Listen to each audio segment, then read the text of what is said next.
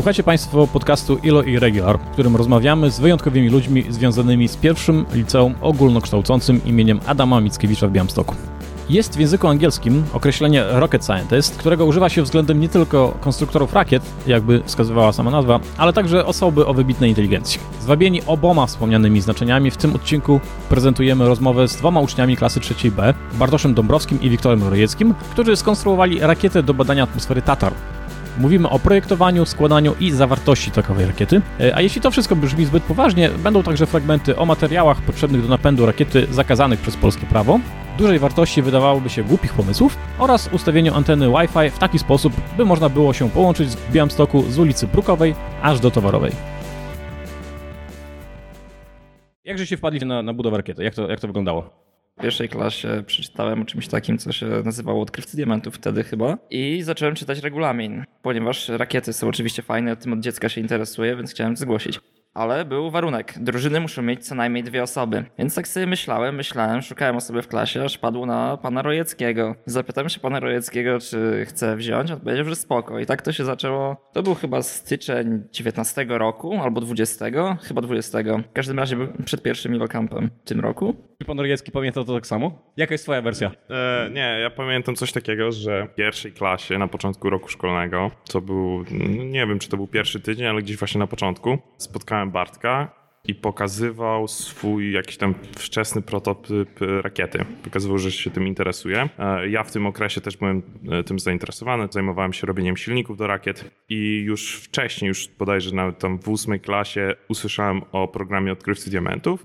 No i zaproponowałem mu, żeby robić ten projekt, żeby się, żeby utworzyć zespół i żeby to zgłosić. Czyli pracujecie nad tym od trzech lat praktycznie w tym momencie, tak? Od pierwszej klasy. Można powiedzieć. Tak, tylko przez pandemię program ten wsparcia został odwołany, więc dwa lata praktycznie to było nic, bo nie było nas stać po prostu. Nie było nas. Czyli jak stary jest projekt waszej rakiety w tym momencie? Ten projekt zaczął powstawać e, chyba w 2019 roku, jakoś w październiku, aczkolwiek przeszedł już ch- chyba ze 40 rewizji, więc tak naprawdę najnowsza wersja powstała w marcu Tego roku. tego roku, dokładnie 2022.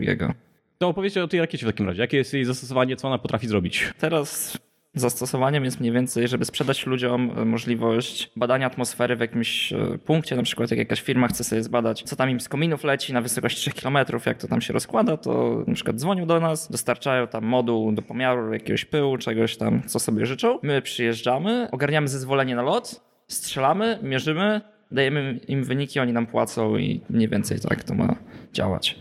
Jak jest puła waszej, waszej rakiety? To było chyba jakieś 3,5 km na tym silniku.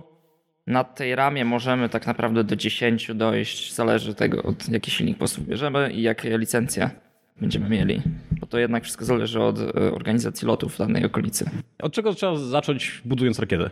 To wygląda to mniej więcej tak, że mamy sobie jest parę programów otwarty, z otwartym źródłem i po prostu sobie wymyślam, co chcę zrobić, mniej więcej jaką wagę, jak- jaką wysokość po prostu y, i klikam sobie komponenty, jak klocki składam. Potem dobieram odpowiednie statyczniki, tak żeby to wszystko było stabilne. Wybieram silnik, rozmiar spadochronu mniej więcej automatycznie tam dobiera, w zależności od prędkości. Wrzucam na symulację, sprawdzam, czy mi wszystko pasuje i jak wszystko jest dograne, Przechodzę dopiero do projektowania 3D w odpowiednim programowaniu CAD po prostu. Wtedy projektuję, co zajmuje bardzo dużo czasu. I jak wszystko jest już dopięte na ostatni guzik, można tak naprawdę zacząć zamawiać komponenty, bo jednak są one okropnie drogie, więc jak się ktoś pomyli, to może być trochę nieprzyjemnie. Skąd wiecie, z jakich materiałów zrobić komponenty? Czy, pro, czy program podaje takie coś? Nie podaję, aczkolwiek można sobie wybrać, czego chcemy. Co prawda, po prostu jest e, w tej branży całym aerospace jest kilka materiałów, tak naprawdę, że jest to aluminium w i włókno szklane bądź węglowe, zależy kto ile ma pieniędzy na to. I najdroższe z tego jest? Włókno węglowe.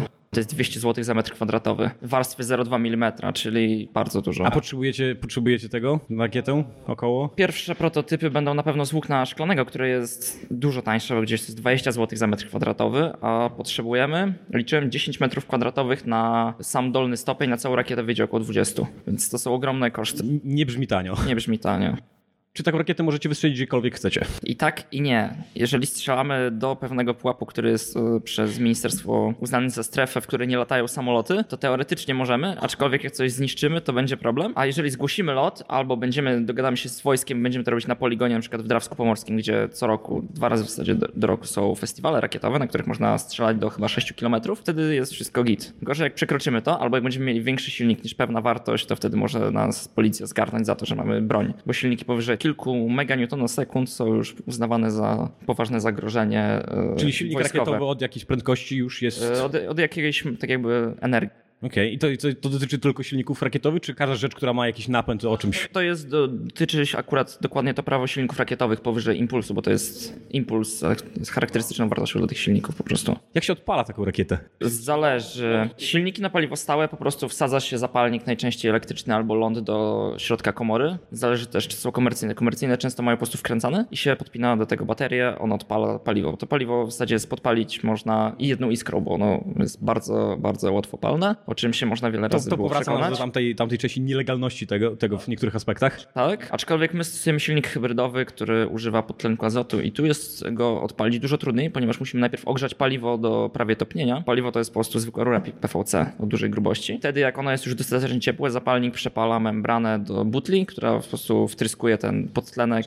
To czym to możecie ogrzać tak, żeby to faktycznie... E, Są po prostu całe zapalniki, które się e, wkłada od dołu do silnika i one ogrzewają tak drut oporowy jest po prostu. Jaka była największa trudność związana z, z, z budową rakiety? Chyba komponenty elektroniczne. Tak, tu mogę powiedzieć, że komponenty raczej były najcięższą częścią tego całego projektu. Projektowanie komputera pokładowego, który odpowiada za e, realistycznie wszystkie aspekty lotu, e, kontroluje kąty nachylenia lotek, e, co dzięki czemu można właśnie aktywnie stabilizować ten lot, że gdyby powiedzmy warunki atmosferyczne w jakiś sposób zmieniły kurs lotu, to można to poprawić e, właśnie dzięki tej aktywnej stabilizacji. E, No tutaj też dużym problemem jest minimalizacja kosztów tego, ponieważ e, teraz jest, no są ogromne braki, jeżeli chodzi o elektronikę, koszty są ogromne, no a tej elektroniki niestety jest tam dosyć dużo, dlatego jakby całą swoją wiedzę elektroniczną postarałem się skompresować w tym projekcie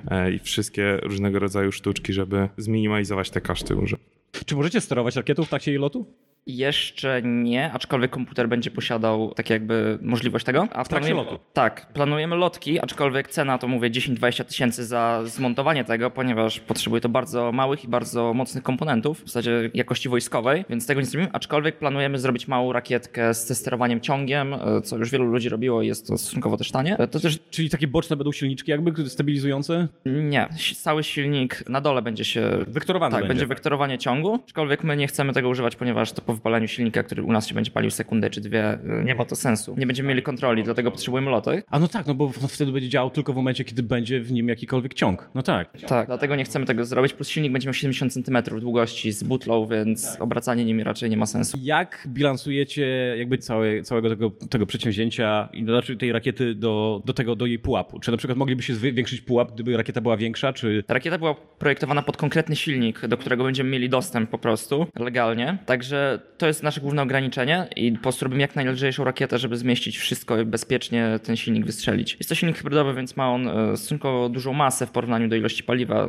więc tam 4 kg to jest dość dużo. Wkład silniki na paliwo stałe tej samej klasy ważą 2 kg, ale te, tego już W jaką masę celujecie w ogóle? Jaka jest taka idealna masa? całość będzie ważyła rakiet mniej niż 8 kg, może ciut, coś po około 8 kg będzie. Czy wymieniacie się z informacjami z innymi konstruktorami, czy... Najbardziej. Ja jestem członkiem Polskiego Towarzystwa Rakietowego i też jestem teraz tam w zespole projektującym komputer do sterowania zaawansowany. Jestem jako programista wpisany. I tam stamtąd też dużo doświadczeń i jest tam bardzo dużo osób zatrudnionych już w branży aerospace, e, na przykład Space Forest Polski, którzy produkują już rakiety suborbitalne. I dzięki temu można bardzo dużo informacji od nich, że tak powiem, wyciągnąć, bądź dowiedzieć się a propos budowy. Czy macie jakieś, jakiś, e, nie wiem, to zabrzmi na pewno śmiesznie, jakiś festiwal e, rakiet, czy, czy jakieś spotkanie ludzi, konstruktorów, gdzie możecie wy porównać swoje rakiety albo na przykład, nie wystrzelić Jak najbardziej, tak jak już wspomniałem, są e, dwa, dwa razy w roku się odbywa coś takiego, co się nazywa loty rakiet eksperymentalnych na poligonie w Drawsku. Niestety w tym roku były z powodu wojny odwołane, bo to poligon i tam testują różne rzeczy. Aczkolwiek powinno być to w październiku i tam nie ma ograniczeń e, mocy, ani nie trzeba mieć e, odpowiednich licencji. Mhm. Tylko trzeba wypełnić całą papierologię co do startu, nie można strzelać. Ale też raz w roku to jest chyba albo ostatni weekend wakacji, albo pierwszy weekend września, w którym mamy coś takiego, co się nazywa Festiwal Meteor. To już jest chyba od 30 lat. To jest po prostu taki bardziej rodzinny piknik, na którym ludzie sobie strzelają rakiety. Tam już trzeba mieć licencję, ale można też zdawać na licencję. Czyli to jest egzamin, tak? Na licencję? Jesteś już po tym egzaminie, czy jeszcze przed? Yy, nie, ja zamierzam zdać to właśnie na tym Meteorze, to na tej samej rakiecie, tylko z mniejszym silnikiem, bądź na lotach rakiet eksperymentalnych dwie licencje naraz yy, załatwić. Jednocześnie można dwie zdawać, ponieważ yy, będzie tam dużo osób uprawnionych, plus silnik też jest y, certyfikowany przez Polskie Towarzystwo Rakietowe i mogę dwie naraz. To jest na takim egzaminie. Z czego was egzaminują na czymś takim? Pierwszy i drugi stopień wymaga na pewno udanego lotu na silniku danej klasy dostarczonym przez komisję oraz na e, drugi stopień trzeba pełną dokumentację projektu przedstawić. Jest to oczywiście tylko papierek wewnętrzny, bo polskie prawo tego nie, e, nie uznaje. Poza granicami jest coś takiego, co się nazywa Tripoli i oni organizują właśnie, mają wszystkie konkretne stopnie. W Stanach to działa w Niemczech, ale u nas nie dopuścili tego. U nas tak samo nie ma e, wielu silników, bo też są nielegalne. Czyli jakby prawo polskie nie nadąża za, za, za Prawo polskie kompletnie nie nadąża, a coraz bardziej zakazują, tak jak już było mówione, saletra potasowa od lutego weszła na listę prekursorów materiałów wybuchowych i za jej kupno można mieć wizytę policji. No, jasne, okej. Okay. Czyli tutaj jakby czas nie, nie działa na waszą korzyść z tym, z tym wszystkim? Nie działa. Samemu też nie można silników tworzyć, kupić dużych silników nie można, więc zostają albo hybrydy, albo strzelanie za granicą, co też dużo osób robi. Wyjeżdżają ludzie, tak? tak. Gdzie, gdzie, najbliżej? Chyba do Niemiec jeżdżą najczęściej. Tu jest przykład e, studenckiego koła astronautycznego Politechniki Warszawskiej. Oni właśnie jeżdżą do Niemiec, strzelają to. Jaka elektronika musi siedzieć w takiej rakiecie? Co się tam musi znaleźć? No to generalnie rzecz ujmując, potrzebne jest tam e, jakby układ, który może zmierzyć kąty nachylenia chociażby. Czy to jest akcelerometr, żyroskop, magnetometr, e, dzięki czemu możemy ustalić położenie rakiety, e, jak ona jest nachylona w danym momencie, e, dzięki czemu właśnie możemy za pomocą różnych algorytmów oszacować w jaki sposób trzeba przemieścić lotki, żeby poprawić kurs lotu. No oprócz tego są potrzebne jeszcze chociażby barometr, dzięki któremu możemy szacować wysokość, no i także robić pomiary ciśnienia na różnych wysokościach. Te wszystkie dane oczywiście są zapisywane, a, a nawet w przypadku tego naszego projektu mogą być wysyłane na stację naziemną tego i w czasie rzeczywistym oglądane. Czy wasza rakieta jest jednorazowa?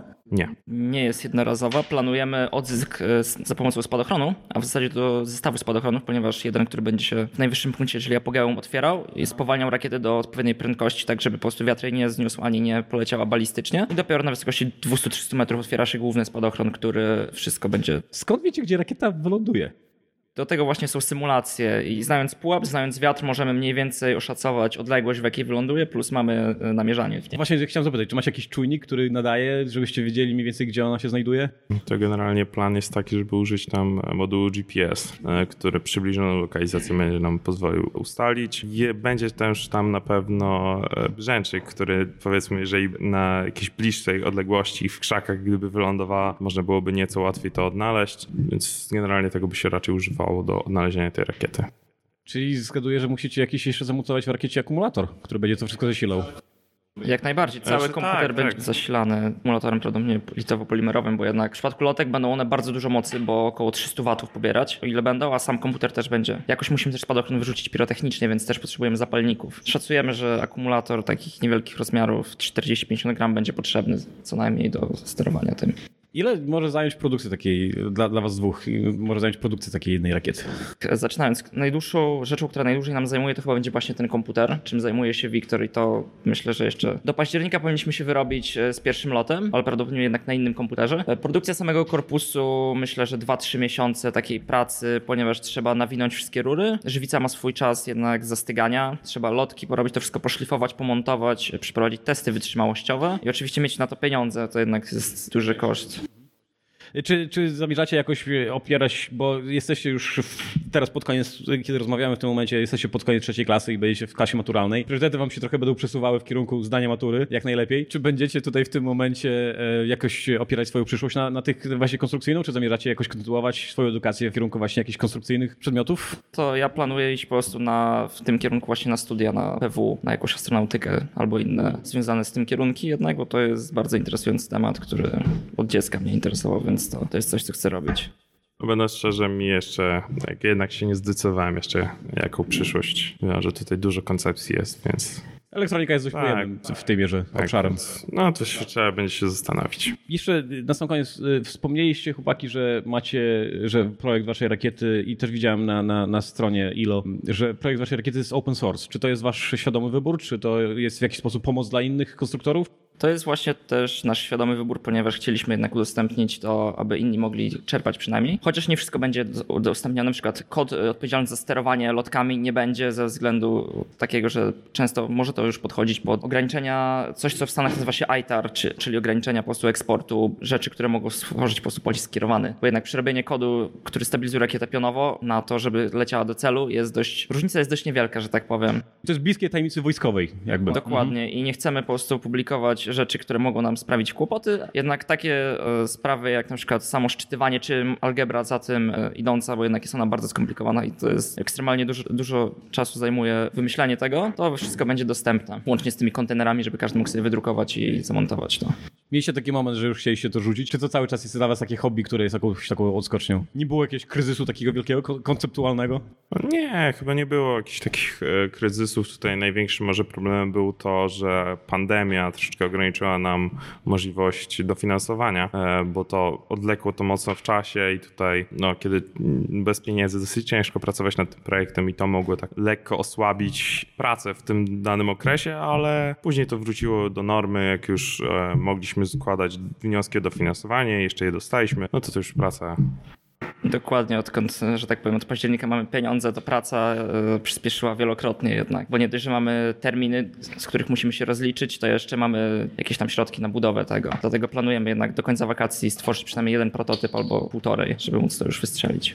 Mówimy dużo o, o, pieniądzach, jak zwykle w przypadku konstrukcyjnych tematów. Jaki jest ogólny koszt jednej rakiety, gdybyście mieli oszacować? To tak, nie licząc komputera oczywiście, bo to jest kolejna, że tak powiem, czarna dziura na pieniądze. Planuję zmontować cały korpus w granicach 2000 zł za same materiały, nie licząc oczywiście roboczo godzin, bo o to chodzi, żebym sam to zrobił, żeby nie, nie płacić ludziom. Aczkolwiek gdybym chciał komuś zapłacić, to by już 6-7 tysięcy myślę za korpus. Do tego spadochron to też jest koszt rzędu 1200-1500 zł, plus tam jedno jednorazowe elementy, takie jak zaczepy bądź materiały pirotechniczne, to jest kolejne kilkaset złotych. No właśnie chciałem zapytać Wiktora, jakie, co, co w środku, tak już nie, nie zdradzając tajemnicy waszej konstrukcyjnej, co, co w środku tam będzie? Jaka elektronika tam będzie? Jaki, jaki komputer tak, zamierzasz jest, umieścić? E, w środku wykorzystujemy mikrokontroler ESP32. E, jest to tyle ciekawa opcja, że ma to wbudowane Wi-Fi. Prawda tego Wi-Fi nie korzystamy w konwencjonalny sposób. Jest tam troszeczkę magii, powiedzmy, użyte, żeby wysyłać te pakiety, jakby to powiedzieć, w ether, żeby mogły zostać szczytane na stacji naziemnej, co obniża znacząco koszty, bo dodatkowo dodatkowe e, moduły komunikacyjne by kosztowały, nie wiem, powiedzmy niektóre nawet po 20 dolarów powiedzmy i potrzebny byłby jeszcze drugi do stacji naziemnej, e, co znacząco by zwiększały koszty produkcji. No ale nawet, nawet stosując właśnie tego typu, e, można powiedzieć, triki, e, i tak koszt e, całej płytki pewnie będzie w granicach 500-600 zł przy obecnej cenie niektórych komponentów. Zaraz, czy jeśli to rozumiałem, rakieta będzie się komunikowała z Ziemią do, do kontroli, do innych rzeczy za pomocą Wi-Fi?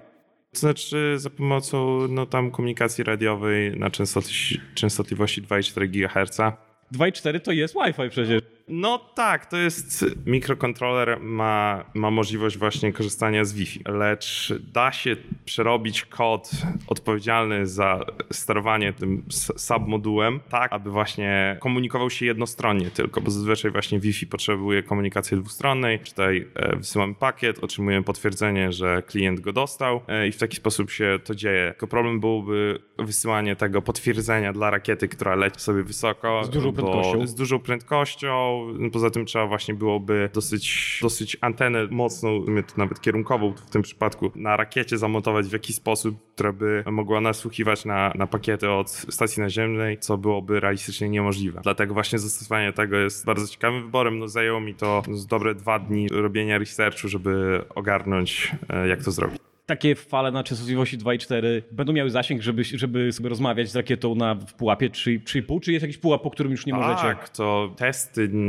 testy e, powiedzmy dokładnie tego samego, co ja tutaj robiłem, był jakby to powiedzieć jeden projekt na GitHubie bez żadnej dokumentacji, który pokazywał e, właśnie to, co chciałem osiągnąć i testy przeprowadził tutaj twórca tego i udało mu się komunikować na odległości 10 km i to, i to raczej jest taki niższy pułap, jeszcze pomijając fakt, że nie ma wielkiej różnicy tutaj raczej, jeżeli, ta, jeżeli chodzi o wysokość. To nie sprawia takich wielkich problemów, jeżeli chodzi o odległość, jeżeli coś by było pomiędzy odbiornikiem i nadawcą, co mógłby zakłócać ten sygnał, a tutaj raczej mam nadzieję, że nic nie będzie zakłócało. Czyli z tego, co mówisz, Wiktor, e, zamiast łączyć się tutaj z hotspotem ILO, mógł, powinienem się łączyć teraz z moim internetem w domu. Myślę, żeby się, jeżeli byłby jakby widok na, na okno na mieszkaniu, to by się dało.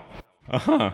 Do tego szum musiałby być całkiem niski. Ale tutaj, tutaj mógłby być w mieście akurat z tym problem, ale... ja tylko żartowałem przy okazji, ale... Prawda, z rakietą też nie wiadomo jak to będzie, ponieważ nawet e, niższe, moduły na niższej częstotliwości, które teoretycznie powinny mieć zasięg nawet do 40-50 km często nie łapią, ze względu na to, że rakieta się obraca, plus jest zrobiona e, na przykład z włókna szklan, e, szklanego lub węglowego, czym węglowe blokuje fale radiowe, więc to jest często bardzo duży problem.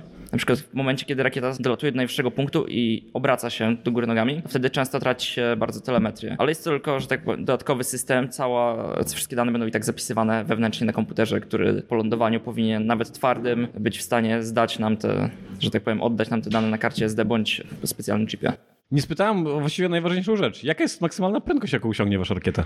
Tak, według symulacji jest to jakieś 160-170 metrów na sekundę. Jest to niewiele, ponieważ ten silnik ma jednak stosunkowo długi czas pracy, rakieta jest też dość ciężka, więc e, nie jest to takie proste, żeby ją rozpędzić. Aczkolwiek e, w późniejszym terminie na przykład można sobie, że tak powiem, for fun strzelić rakietę, która poleci Mach 2,5 nawet. Ta rama powinna to znieść. Na, na waszym silniku, tak? E, nie na silniku, tylko na tej ramie bardziej. Rozmawiałem z ludźmi na tych samych parametrach, mniej więcej grubości ścianki i wytrzymałości ramy latali Mach 2. Tylko wtedy trzeba po prostu zmodyfikować głowicę, która będzie zrobiona zrobiona już z metalu, tak aby się nie przegrzała. Ponieważ po przekroczeniu przykład Mach 3 włókno szklane zaczyna się palić od oporów powietrza z boku.